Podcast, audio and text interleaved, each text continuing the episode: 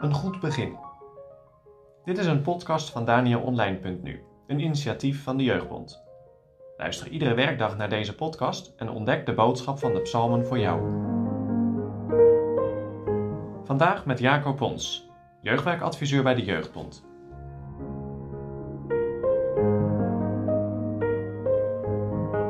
Vandaag lezen we Psalm 30. Wakker geschud. Een psalm, een lied der inwijding van Davids huis. Ik zal u verhogen, heren, want u hebt mij opgetrokken en mijn vijanden over mij niet verblijd. Heren, mijn God, ik heb tot u geroepen en u hebt mij genezen. Heren, u hebt mijn ziel uit het graf opgevoerd. U hebt mij bij het leven behouden, dat ik in de kel niet ben neergedaald. Psalm zingt de Heere, gij zijn gunstgenoten, en zegt lof ter gedachtenis van zijn heiligheid. Want een ogenblik is er in zijn toren, maar een leven in zijn goedgunstigheid. S'avonds vernacht het geween, maar s'morgens is er gejuich. Ik zei wel in mijn voorspoed, ik zal niet wankelen in eeuwigheid.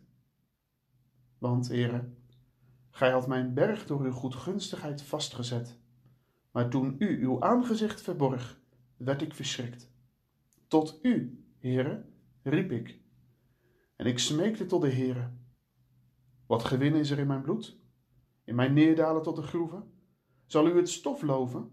Zal het uw waarheid verkondigen? Hoor, Heere, en wees mij genadig, Heere. Wees mij een helper. Gij hebt mij mijn weeklagen veranderd in een rij. U hebt mijn zak ontbonden en mij met blijdschap omgord opdat mijn eer u psalm zingen en niet zwijgen. Heere, mijn God, in eeuwigheid zal ik u loven.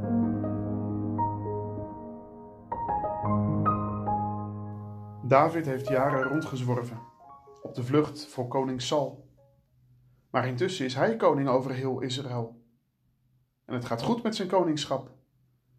En nu is het tijd voor andere dingen. Hij bouwt voor zichzelf een prachtig paleis.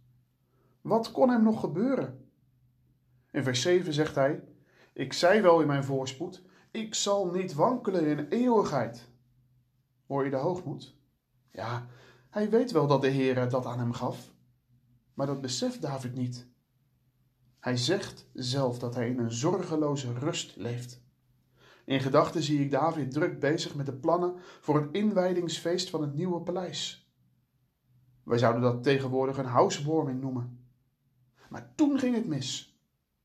David wordt ziek. Hij wordt heel erg ziek. Zo ziek dat de dood er wel mee gepaard kon gaan. En ineens voelde hij zich weer klein en kwetsbaar. En met de koorts in zijn lijf roept hij tot God: Wees mij genadig, wees mijn helper. En God hoorde: Ik heb tot u geroepen, en u hebt mij genezen.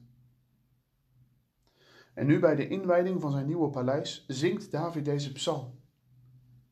Hij vertelt heel eerlijk wat er gebeurd is. Van die trots en van die hoogmoed is er bij David geen sprake meer. Nee, David raakt een hele andere snaar. Hij getuigt van de goedheid van God. Misschien is deze psalm wel herkenbaar. Heel gemakkelijk denk je alleen maar aan jezelf Vooral als het goed gaat in je leven. Als alles voor de wind gaat. Je leeft je zorgeloze leventje. Alles gaat goed. En niets wijst erop dat dat gaat veranderen. Prachtig. Ja, geweldig dat het goed gaat met je. Maar heb je dit nu allemaal zelf voor elkaar gebokst? Wie geeft je al dit goede? Wie geeft je al deze zegeningen? David wist ook wel dat de Heer het aan hem gegeven had. En jij weet dat natuurlijk ook. Maar leef je daar ook naar? Is Hij het waar je hele leven om draait? Elke dag starten in afhankelijkheid. Is Hij de basis van jouw leven? David merkte dat pas toen de Heere zich even terugtrok. Toen u uw aangezicht verborg, werd ik verschrikt.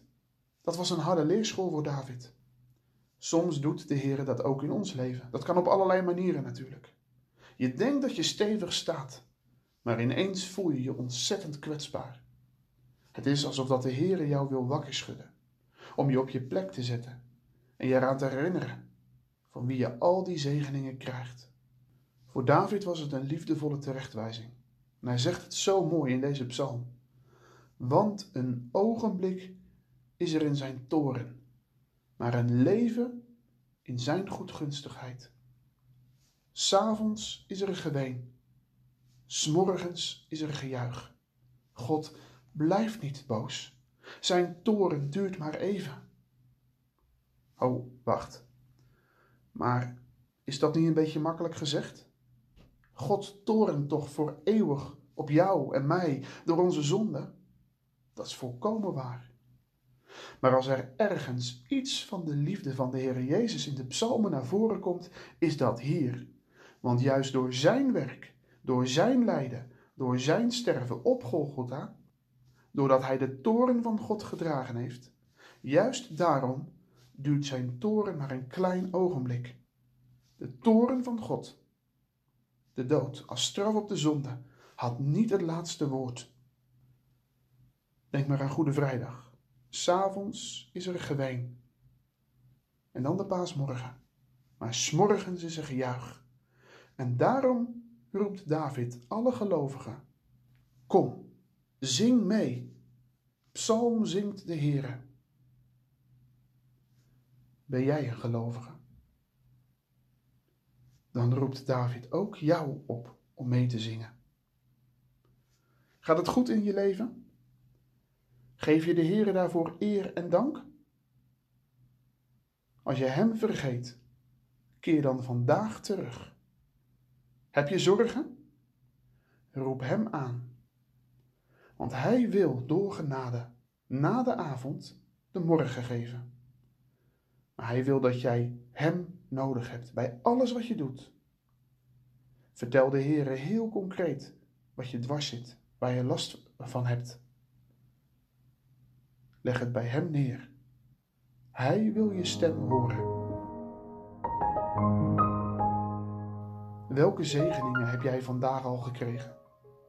Schrijf ze eens op en tel ze één voor één. En dank de Heere voor elke zegen die je vandaag krijgt.